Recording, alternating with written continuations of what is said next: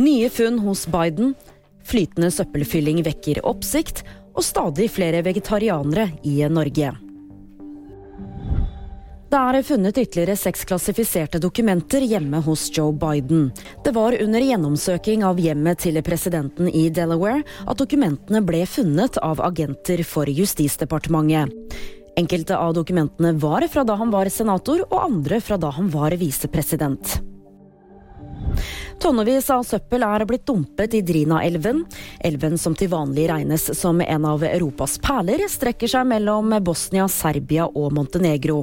Kraftig regn og uvanlig varmt vær den siste uken har ført til at flere tonn med søppel fra dårlig regulerte fyllinger har samlet seg opp i elven. Flere lokale miljøorganisasjoner frykter dette vil få store konsekvenser for miljøet og folks helse.